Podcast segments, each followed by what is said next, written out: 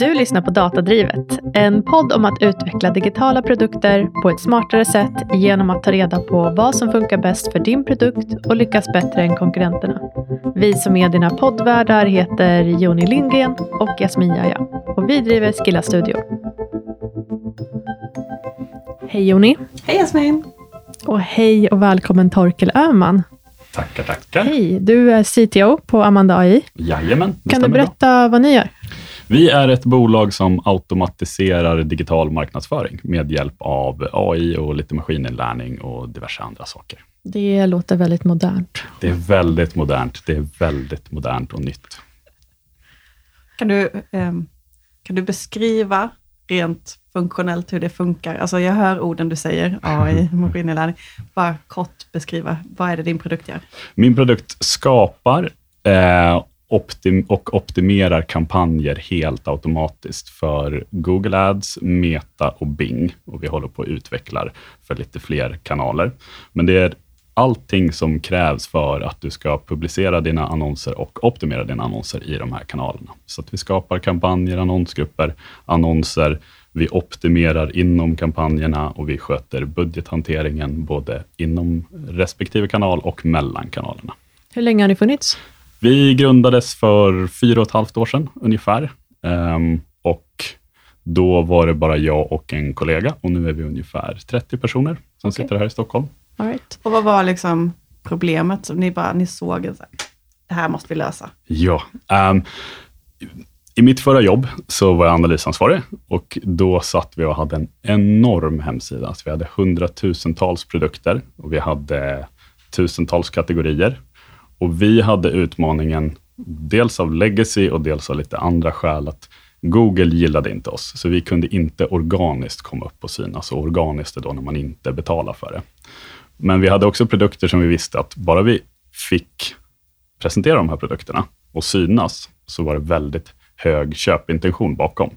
Vi sålde mycket IT-produkter, det var servrar, det var switchar, det är saker du inte söker på om du inte antingen vill påbörja en köpresa eller göra ett köp. Och Då testade vi lite olika sätt, men vi kom fram till att det här är i princip omöjligt att göra manuellt. Vi kan inte eh, skapa 300 000 annonser, vi kan inte skapa 300 000 olika landningssidor eller skicka in till 300 000 olika landningssidor och sen ska vi dedikera budget däremellan och så vidare. Så att eh, vi gjorde ett test mellan olika byråer eh, i olika marknader och sen så i en marknad eller i ett land då, så hade vi studenter som fick ett ramverk. Så här ska ni jobba med annonseringen. Så här skriver ni annons, så här lägger ni till ett sökord, så här utvärderar ni om ni har gått bra eller inte. Och där fick vi väldigt många timmar och de gjorde också bäst resultat. Och då föddes idén att om antalet optimeringar någonstans är lika med eh, resultatet, alltså hur bra resultatet blir, och det är så pass enkelt att du kan sätta dig i händerna på någon som aldrig har jobbat med det förut, Eh, kanske några som blir arga när jag säger det, men eh, så får det vara. Då lämpar det sig väldigt, väldigt lär, eh, väl för automatisering. Och Sen så började vi med automatisering och sen hittade vi vissa saker som var väldigt svåra med, med ren automatisering och statistik och då började vi känna att okay, vi måste lägga till lite maskininlärning och, så har det, och så har det växt därifrån. Vad är det som automatiseras? Kan du liksom konkret... Vad är andra alternativet? Vad är de här 300 000 annonserna som ska göras manuellt annars? Ja, men ena alternativet är att du har en hemsida och så har du produkter eller ett budskap eller en tjänst som du vill få ut. Du vill presentera det på Google, den digitala gågatan. Och antingen så får du sitta manuellt och skriva, så skriver en annons. Eh, Det här är liksom den texten som ska synas när någon söker och så får du lägga in vilket sökord eller vilka sökord det är. Så jag vill synas, jag ska sälja ett par röda jeans och så skriver jag fina röda jeans, jättebilligt, gratis frakt, eh, whatever. Och sen så skriver jag då eh, vilken landningssida jag ska länka till och sen så lägger jag in de sökorden och så kanske jag lägger in röda jeans och så kanske jag lägger in ett par till. Um, det vi gör det är att vi har en liten crawler, en liten robot som klickar sig runt på en hemsida och sen så hämtar den hem all information på den hemsidan. Alltså all, all. Um, Alla produkter, alla produktbilder alla produkter, alla produktbilder, alla priser, alla beskrivande texter, alla attribut till dem, alla URLer, alla lagersaldon och så lägger vi det där i en gigantisk databas. Och sen så den databasen bygger då sen en så kallad feed för att man ska kunna synas på Google Shopping och få Facebook-katalogannonser, men också annonser. Om kunden säger att det är okej okay för er att använda metatitlar som man använder i organiskt och SEO till exempel.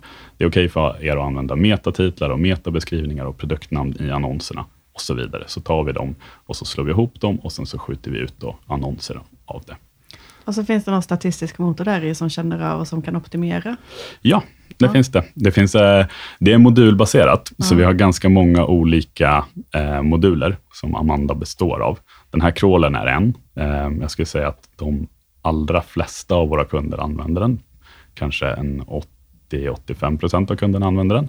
Men sen har vi vissa kunder som vill ha en egen struktur av olika anledningar. Det kan vara stora corporate-kunder och, och, så vidare. Och Då bygger de upp en egen struktur i sitt annonskonto och vi tar över den. Då tar inte vi och eh, använder den här crawlen. Mm. Men sen har vi en modell som räknar på dels hur mycket varje sökord har bidragit till totalresultatet, eh, men också sökfras och också produkt, så att vi förstår vad är det som bidrar till det här totalresultatet.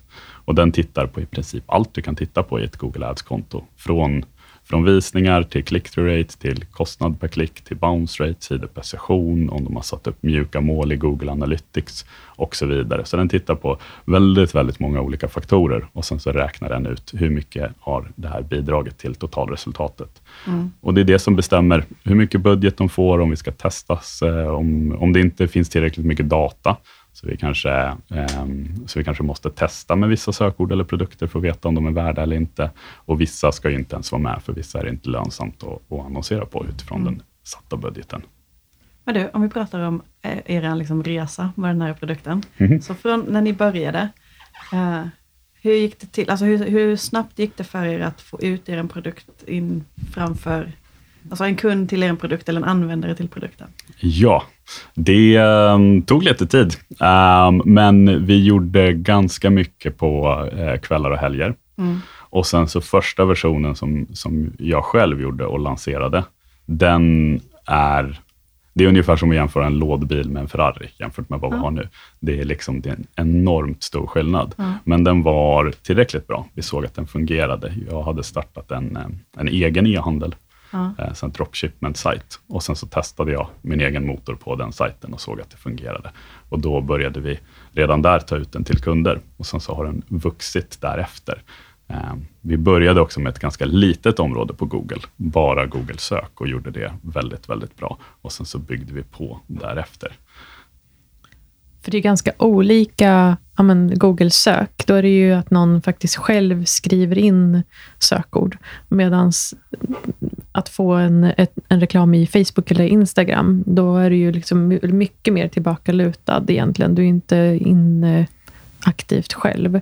Så då blir det ju olika. Va, vilken typ av bransch eller vilka typer av företag är det det här funkar bäst för? Ehm, det där är en jättebra poäng som jag skulle vilja prata lite mer om först. Just skillnaden mellan intentions, alltså push och pull som man brukar kalla det. Alltså, på, som du säger, på Google så har du en intention bakom allting som händer. Det är ingen som bara skriver in slumpmässiga bokstäver och hoppas att någonting kommer, utan du har ju en, en intention. Jag, jag som användare är ute efter någonting. Mm. Och Det gör ju också att det blir väldigt mycket lättare. Ehm, det, jag brukar jämföra det med att Google är ungefär som en digital gågata. Förut hade vi bara fysiska gågator och fysiska butiker och du hade massor med personer som gick förbi din butik. Vissa var på väg till dig, för de skulle besöka precis din butik. Vissa var ute och shoppade någonting generiskt. Om vi tar exemplet med kläder igen. Jag kanske vet att jag ska ha kläder, men jag vet inte vilken butik jag ska gå in i. Och vissa är bara på väg till jobbet och går förbi. Och på samma sätt så har du ju Google då folk söker efter röda byxor. Vissa vet att ja, men jag ska köpa de här röda byxorna på H&M. Vissa söker på röda byxor och har ingen aning om vad de ska, vart de ska köpa. Eh, och då har man chans att påverka. Och vissa undrar bara hur får man röda byxor? Vilket material görs det av? Eller hur färgar man det? Och så vidare. Mm. Så där blir det ju väldigt mycket lättare. Och allt det här som bestämmer vilken person ska du visa vilken annons för det baseras ju på data.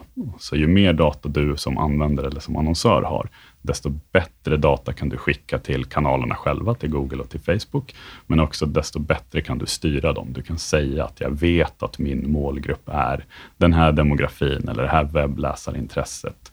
Eller du kan fylla på eller populera, som det kallas, remarketinglistor. Folk som tittar på produkter, folk som går till abandon cart, abandon checkout och så vidare. Hur länge sparas de kakorna nu?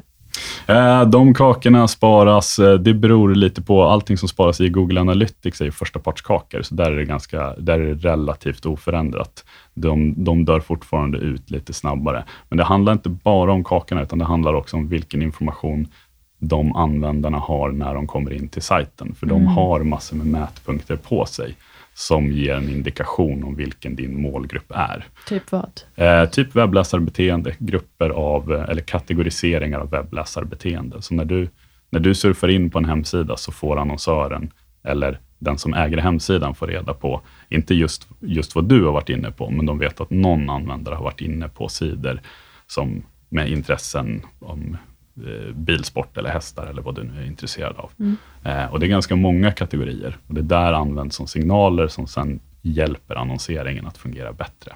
Så det finns ett enormt värde i data. Det var dit eh, jag ville komma med, med punkten och då blir det väldigt viktigt med till exempel Instagram eller Facebook, där du kan göra en väldigt bra demografiinriktning, som du inte riktigt har samma möjlighet till på Google. Och du kan få ganska billiga klick. Mm. Eh, och då när du får de klicken så får du data och du gör kanalerna i sig bättre eh, data att jobba med och då får du ett bättre resultat. Och Det där är väldigt svårt att greppa. Hur mycket är det värt med ett klick? Hur mycket är det värt att jag kan ge den här användaren till Google Ads och säga det här är en bra användare? Och hur mycket är det värt att Google sen kan bygga similars, som det kallas. Um, Facebook kallar det lookalikes, man brukar mm. använda det uh, ordet kanske lite mer.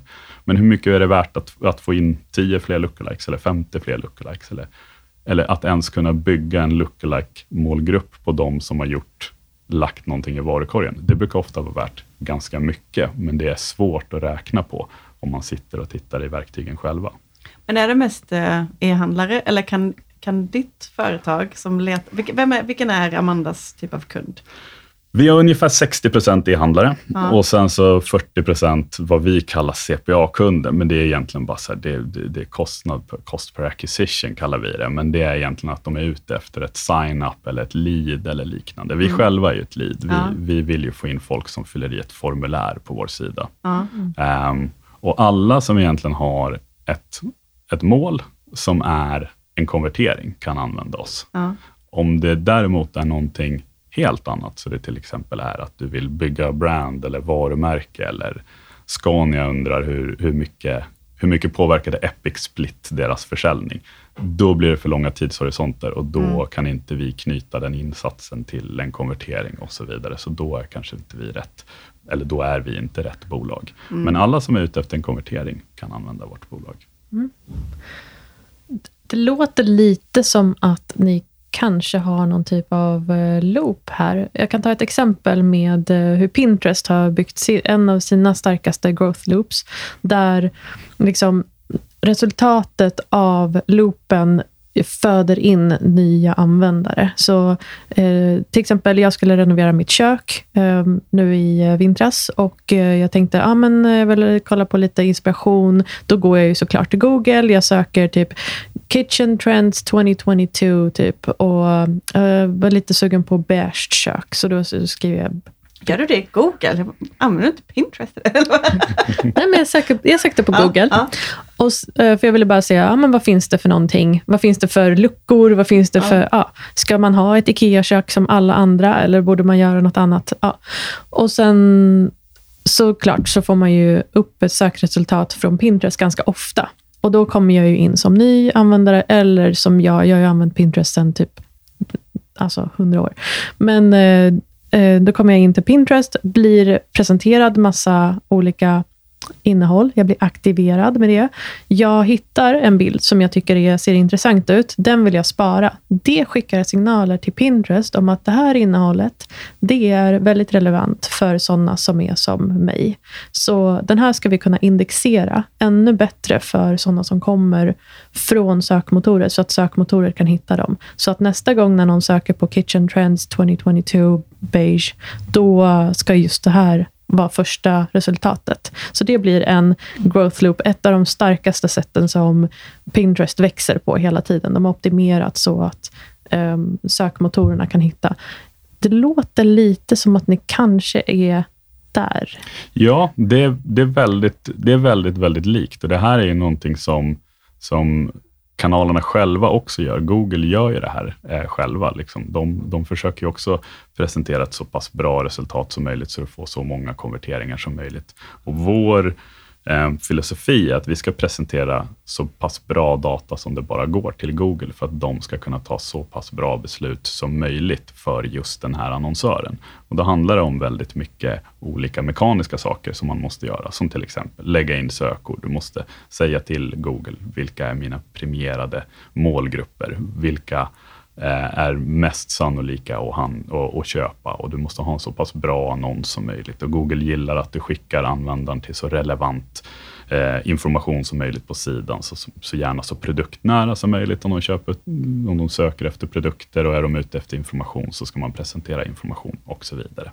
Så att, eh, men det är väldigt likt. Det blir ett, ett, liksom ett självsnurrande hjul det där. Ju mer konverteringar du får, desto lättare är det att få nästa konvertering.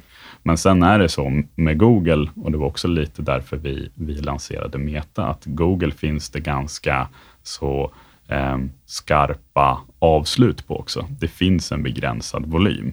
Alltså om du säljer en ny produkt, vi själva är ett exempel på det. Det är inte jättemånga som söker på automatiserad annonsering eller AI-annonsering, men jag har också en sån här favoritprodukt som är, det är något bolag i USA som har gjort en, en tandborste där man skickar en eh, man får hem som en sån här bettskena som man ska ha ett munskydd. Och så biter man i den och så skickar man tillbaka den och så får du en tandborste som är liksom formanpassad för din mun. Och så kan mm. du bara... Så sitter du bara tuggar, tuggar ja, på du, tandborsten nej, men, istället för att uh, borsta tänderna? Det räcker med att du borstar typ två gånger, så har du borstat tänderna jättebra. Uh, jag har inte köpt den, men jag älskar liksom själva idén mellan den, med den. Um, för tänk så många sekunder man kan spara. Exakt.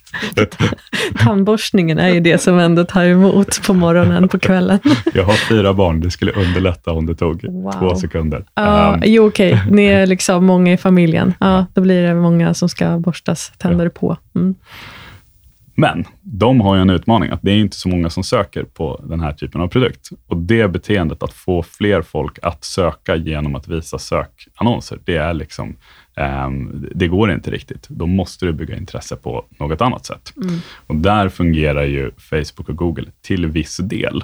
Eh, sen måste man göra väldigt mycket mer, men Facebook och, eh, Facebook och Instagram är då två andra sätt du i alla fall kan väcka intresse och kanske få några till att börja söka på det här eller klicka sig in och väcka intresset så att man sen kan fånga upp dem med Google. Har ni några andra sätt som ni kan växa på än det här självsnurrande hjulet, där ni liksom ger mer data till eh, plattformarna för att kunna göra ännu mer träffsäkra vi själva, ja. som Amandai, som bolag, ja. Um, ja, vi lever ganska mycket på rekommendationer. Det är väldigt många som rekommenderar in oss. Um, vi kör en 30 eh, dagars modell, Netflix-abonnemang. Alla kan säga upp oss på 30 dagar. Um, så att, uh, och det gör... är, det, är det free trial eller är det freemium? Nej, det är inte free trial, Nej. utan man får betala för uh, trialen. Däremot så kan det vara en, uh, en lägre kostnad på trialen. Det okay. beror lite på. Um, Måste man prata med en säljperson hos er för att få bli för att börja använda, eller kan man enkelt signa upp själv? Eh, man kan eh, signa upp själv om man inte vill. Man måste ge oss accesser till lite saker och man måste skriva på NDA, för vi tar ändå, till, vi tar ändå del av data som vi... Det, det krävs ett NDA för att vi ska mm. kunna hantera Google Analytics data mm. och se försäljningssiffror och sådär. Um, så att man, man skulle i teorin kunna göra det utan att prata med någon. Vi, mm. När vi startade, det var lite roligt, då var det ju det vi tänkte att Amanda skulle vara efter två, tre år. Mm. Eh, appar som man installerade. Mm. Vi, eh, vi lanserade en Shopify-app mm. eh, och den kom, jag tror att vi hade varit igång nio månader, så kom Shopify-appen, Amanda AI. Um, och under tiden, under de där nio månaderna medan vi utvecklade den här Shopify-appen, så hade vi tagit på oss kunder som inte hade kommit in via appen, som vi hade pratat med och som var ganska mycket större än vad vi hade tänkt oss att vår sweet, sweet spot skulle vara. Um, så sen när vi lanserade Shopify-appen så märkte vi dels att vi hade byggt någonting som kostade kanske lite för mycket för Shopify. Mm. Eh, och vi märkte också att det var ganska stor support. Eh, det, det, krävde ganska mycket support, även om det var en, en app som du egentligen kunde installera själv. För att det var väldigt många som ville ha den här tryggheten, att ha någon att prata om. Mm. Eh, det är ändå, de, de flesta, om vi pratar e-handlare, så, så är Google Ads oftast den största kanalen som de får transaktioner via. Och Då behöver man någon form av trygghet och man Mm. behöver prata med någon.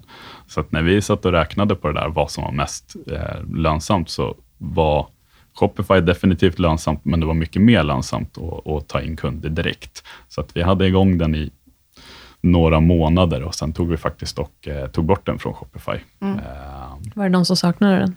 De fick vara kvar, fast vi tog bort den, så att vi, vi avlistade den, så att Mm. den inte fanns kvar där. Men du, när ni räknade på er sweet spot, så landade ni, ni trodde att ni skulle vara i någon sorts mellansegment, eller vad, tro, vad, vilken trodde ni var er?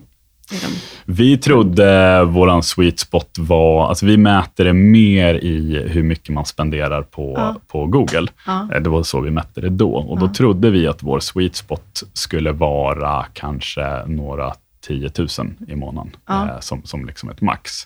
Ehm, och det trodde vi mest för att vi trodde att eh, de personerna kunde installera det här eh, no touch, så att vi inte behövde vara inblandade.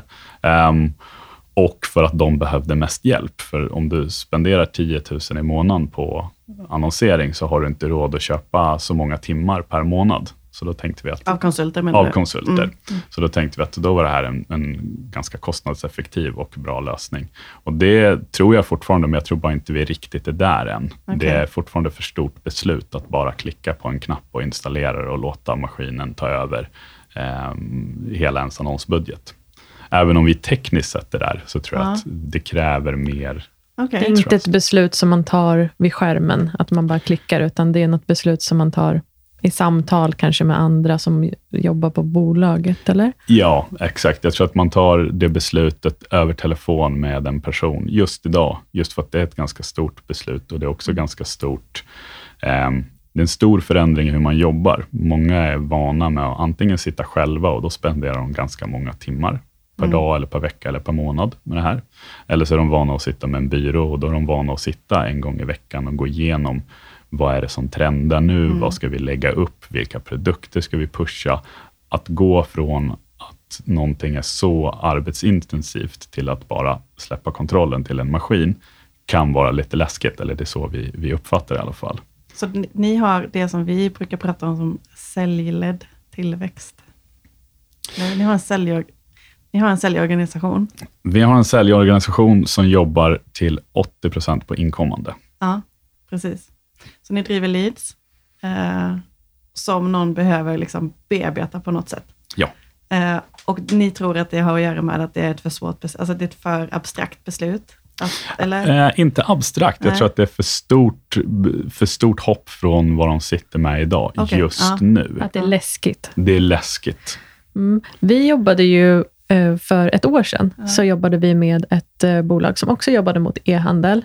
De var ju också väldigt övertygade om att det är ett så stort eh, beslut för ja, de som jobbar på e-handeln, att det måste gå via sälj. Att det är så kom- komplicerad produkt, att det är, liksom, det är så svårt och det är liksom, man, man vill ha någon som håller den i handen. Mm. Och vi bevisade ju faktiskt att det gick Ja, jättebra. vi gjorde ett experiment där vi liksom öppnade produkten i någon typ av sandbox, kan vi kalla det.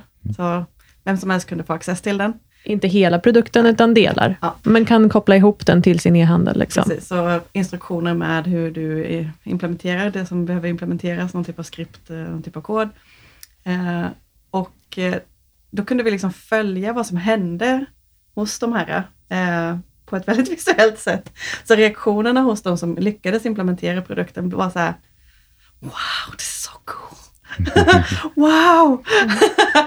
uh, och det var, så, det behöver inte alls vara så för er, men för, det var en sån stark sanning i just det här bolaget, att alltså, vi måste ha säljpersoner som är med i hela kundresan fram till att liksom, man har implementerat produkten eh, och de har använt den i ja, ett halvår i alla fall, för att det här ska funka, för att de ska förstå produkten.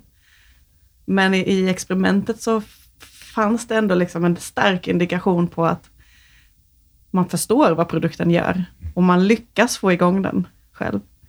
Absolut. Alltså som, vi hade ju den tesen, jag tror definitivt att vi kommer dit över Ja. tid. Sen så ehm, tror jag att det, beror lite på storlek på annonsör också. Mm. Ehm, på Shopify så hade vi ungefär 300 kunder någonstans runt som, som vi hade löpande, vilket inte är fy skam. Men de ehm, spenderade generellt sett ganska lite som sagt per Mm. månad. Och nu, våra snittkunder som vi har nu spenderar ganska så mycket mer. Men vi, vi vill definitivt dit och vi, vi kommer gå dit Ja. igen. Ja. det handlar nog bara om tid och timing. Liksom vart, vart är det mest lönsamt för oss just nu att verka? Och då blev det just nu att vi tar den här celldrivna eh, processen. Hur, eh, hur tar ni beslut i organisationen? Alltså, hur tar, de produktutvecklingar som ni behöver göra, är, jag gissar bara, men eh, eh, själva produkten är ju ingen, den har ju inget interface väl? Eller? Nej, den har, ett, eller, den har ett backend, men inget frontend. Ja. Ingenting som kunderna. Det är också intressant. Den Ja. missen gjorde vi när vi släppte den också då efter Shopify, när vi tog kunderna direkt, så hade vi ett interface där kunderna kunde göra vissa val.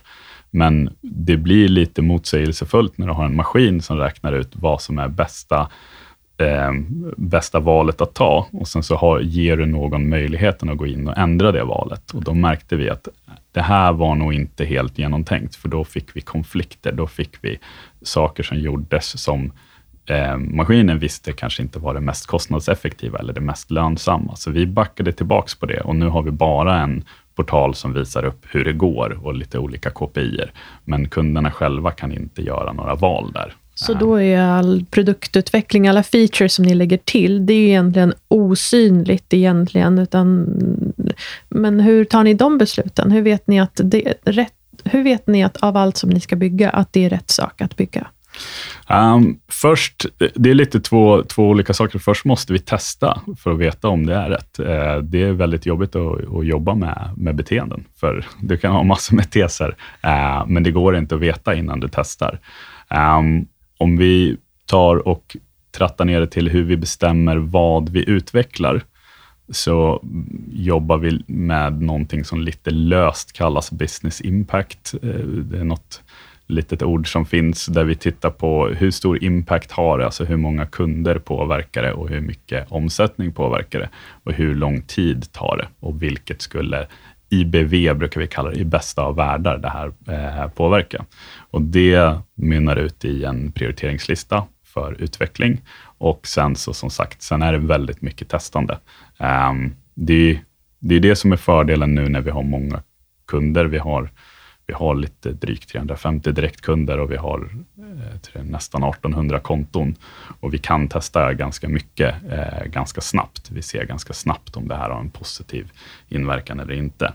Um, men det är väldigt test, testningsdrivet och sen så har vi många, vi har fyra analytiker, vi har som sagt ganska många kunder och vi har ganska många kundansvariga som sitter upp och kommer med förslag och idéer. De ser saker som antingen behövs fixas och det kan vara features som kanske inte påverkar performance, men som är saker som man vill ha där. Som att man vill kunna schemalägga någonting speciellt eller att man vill kunna eh, bryta ut en kategori och trycka på någonting. Det har nödvändigtvis inte med performance att göra, men om det är tillräckligt många kunder som vill ha det, så bygger vi ett stöd för det.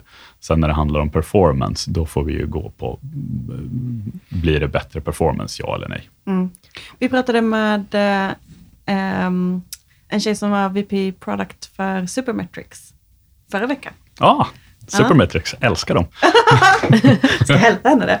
Eh, nej men hon, hon berättade att eh, hon har liksom byggt upp en som en feedbackmaskin eh, där de ja, men liksom tar till sig feedback från sina kunder, potentiella kunder, eh, eh, ja, men kundtjänst, vem som helst kan feeda in med information eller idéer om vad man kan förbättra. Och varje fredag så sitter hon med alla eh, sina product managers och så går de igenom den och så prioriterar de eh, den här liksom, stora källan till eh, hypoteser om vad man kan utveckla. Har ni, har ni det här, finns det så en, liksom en strukturerad process hos er, eller är det någonting mer som bara sker? Um, det är mer någonting som bara sker. Vi har satt upp en strukturerad process för det, men vi har inte riktigt börjat använda det än.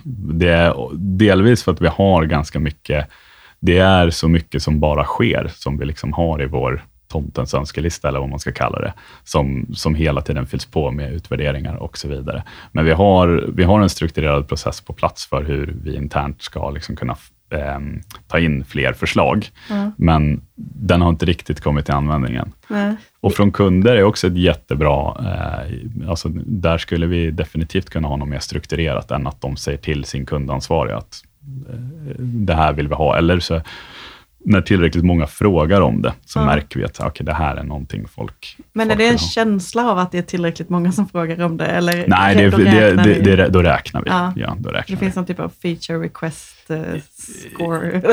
ja, ja. Eh, exakt. Som sagt, det måste ju vara en stor impact och vi kan ju också se hur många som skulle kunna få en impact av det. Vi kan ju, om vi tar någonting som att vi en gång så byggde vi stöd för att man skulle kunna göra extremt geografstyrd annonsering. Alltså ja. att man sätter en i princip knappnål och ritar ja. en ring runt och så kan man göra annonsering på det sättet. Och Då visste vi hur många, hur många kunder och hur många stores och hur, många, eh, och hur mycket volym skulle gå genom det här för att det skulle vara värt.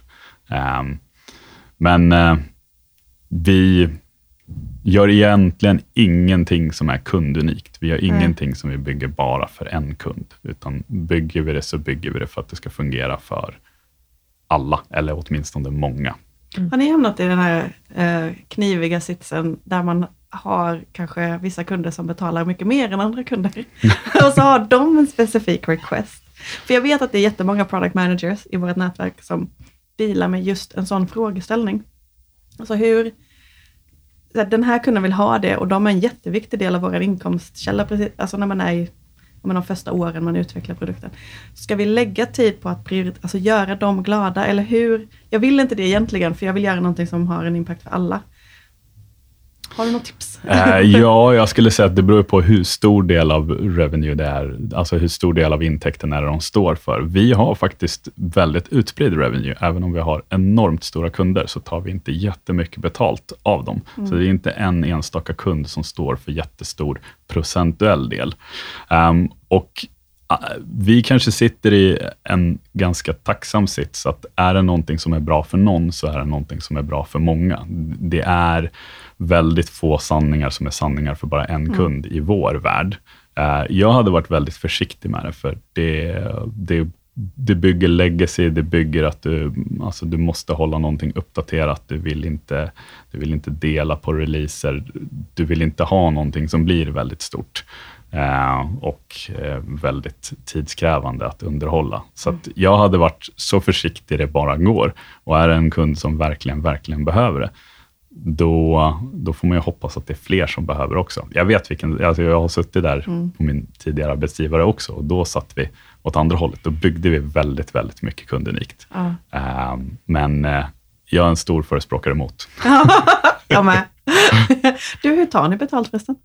Uh, oj, det är lite olika. Vi tar, om det är små kunder så tar vi en procent på adspend mm. och är det stora kunder så tar vi ett fast pris mm. uh, för att kunna liksom, täcka in så många som möjligt. Nu har vi pratat om vad ni gör, vi har pratat om eh, hur ni gör det, men eh, vad har ni haft för utmaningar? Oj, så många som man brukar ha. Um, men vi har haft, jag skulle säga att den, den, första utmaningen vi hade, det var ju att bygga någonting eh, när vi startade som eh, vi inte hade kanske tillräckligt data på. Vi fick ju, det, det är ju så, vi, vi bygger ju någonting som baseras på beteenden. Så det var ganska mycket teser och sen så fick jag ju som sagt testa det på en, på en e-handel som vi hade startat själv. Uh, men det är inte säkert att man har den möjligheten, för då måste man kunna starta en, starta en butik och lägga ner lite pengar på det och vara beredd på att det, det, det inte går så bra. Nu gick det ganska bra, som tur var, men det hade lika gärna kunnat kosta en del. Uh, och Den där utmaningen har vi väl egentligen med allt vi utvecklar. Att vi utvecklar någonting som bygger på teser, men som måste bevisas på beteende. Och det är, mänskligt beteende är svårt, uh, speciellt när man utvecklar för, uh, för plattformar där du inte har all data. För Google vet ju mycket mer om användarna än vad vi vet och Facebook samma sak och Bing samma sak. Så Det är en väldigt stor utmaning. Um, Hur gör ni då? Eh, jo, men vi har teser och sen så har vi, vi har fortfarande testbutiker som vi gör. Eh, det är kostsamt, men det är, eh, det är fortfarande den enda vägen vi har att göra det på. Alltså era egna testbutiker? Era egna testbutiker. Hur många butiker har ni? Två. Två. Hur lång tid tar det för er att validera en, en hypotes? Ehm, oj, det är, beror på väldigt mycket vad det är för tes. Vissa teser, mycket handlar om att som sagt ge så bra data till Google som möjligt och då får man indikationer på hur bra tycker de vissa saker är. De kan vi se väldigt snabbt. De kan vi se ibland på en, två dagar om, om någonting som kallas quality score går, går upp eller om de gillar våra annonser bättre. Ehm, sen har vi mycket mer komplicerade saker som plattformsallokerare, där vi ska allokera budget mellan plattformarna. Då vi har en version som är live och testad och vi testar version 2. Men det bygger på någonting som kallas mediamixmodellering och adstock, att annonser har effekt över tid och sånt där. Och det tar mycket längre. Där pratar vi åtminstone månader innan vi kan veta om det är ett bättre resultat än, än, eller, äh, än innan. Mhm. Ja, Mm. det låter ändå som att ni så här, har ett jätteviktigt mindset alltså färd, inbyggt i er produktutveckling. Så här, vi, vi tror saker och så måste vi ta reda på dem. Det är inte allas... Alltså, nej. Absolut inte. Så det är långt ifrån alla som tänker så. Ja, Ja. Det är ju häftigt. Men vad, är det, vad, är, vad har du haft mest fel om? Vilket är ditt största så här, shit.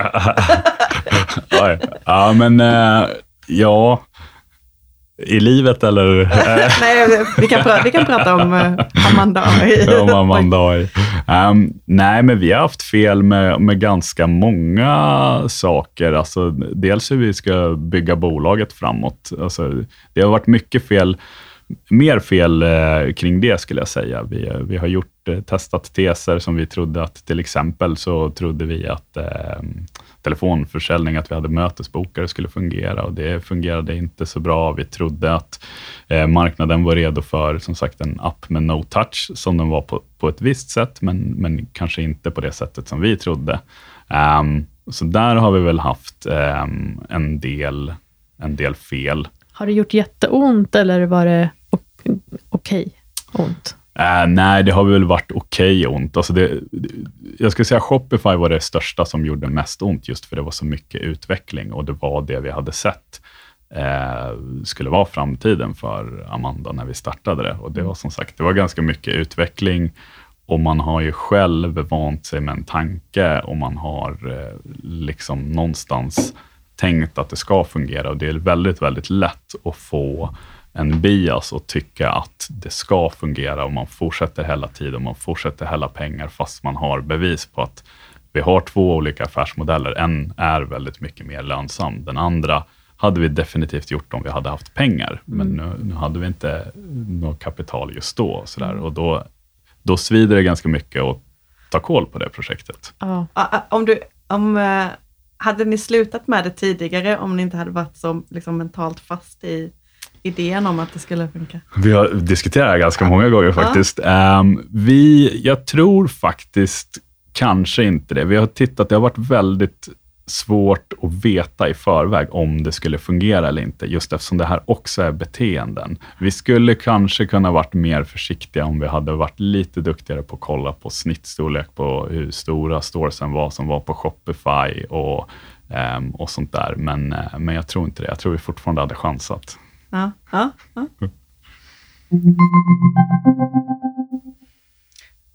Vad är, det, vad är det för hypotes du har nu? Vilken är den starkaste hypotesen som du försöker bevisa eller motbevisa nu?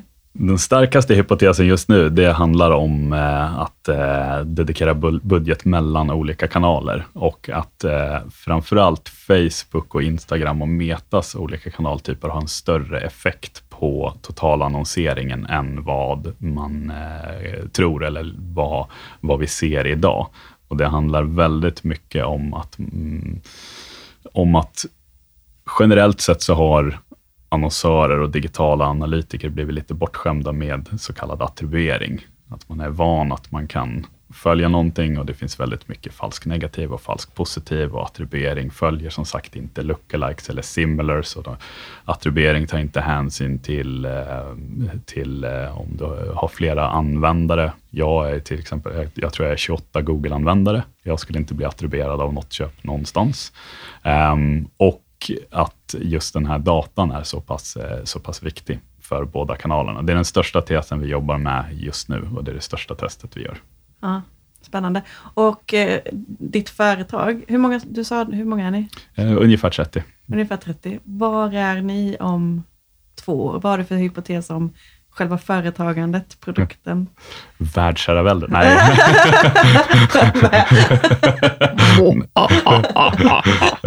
um, nej, men uh, om två år så tror jag att vi har Ehm, vi kommer definitivt ha släppt mycket, mycket mer eh, inom produktutveckling. Vi, vi har en ganska rask takt där, både på kanaler, men vi börjar också röra oss mot insight och insikter och dataanalys, som vi kommer släppa relativt snart, de första betena av.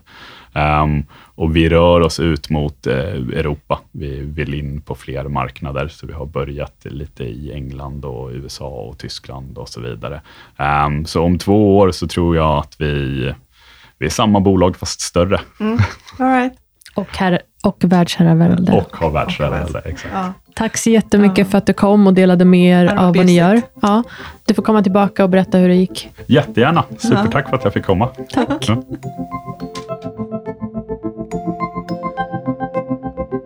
Du har lyssnat på Datadrivet. Har du frågor om hur du och ditt team kan komma igång med att jobba datadrivet så kan du höra av dig till oss på LinkedIn. Där heter vi Joni Lindgren och Jasmin Jaja. Eller gå in på Skilla Studio. S-C-I-L-L-A. Punkt studio.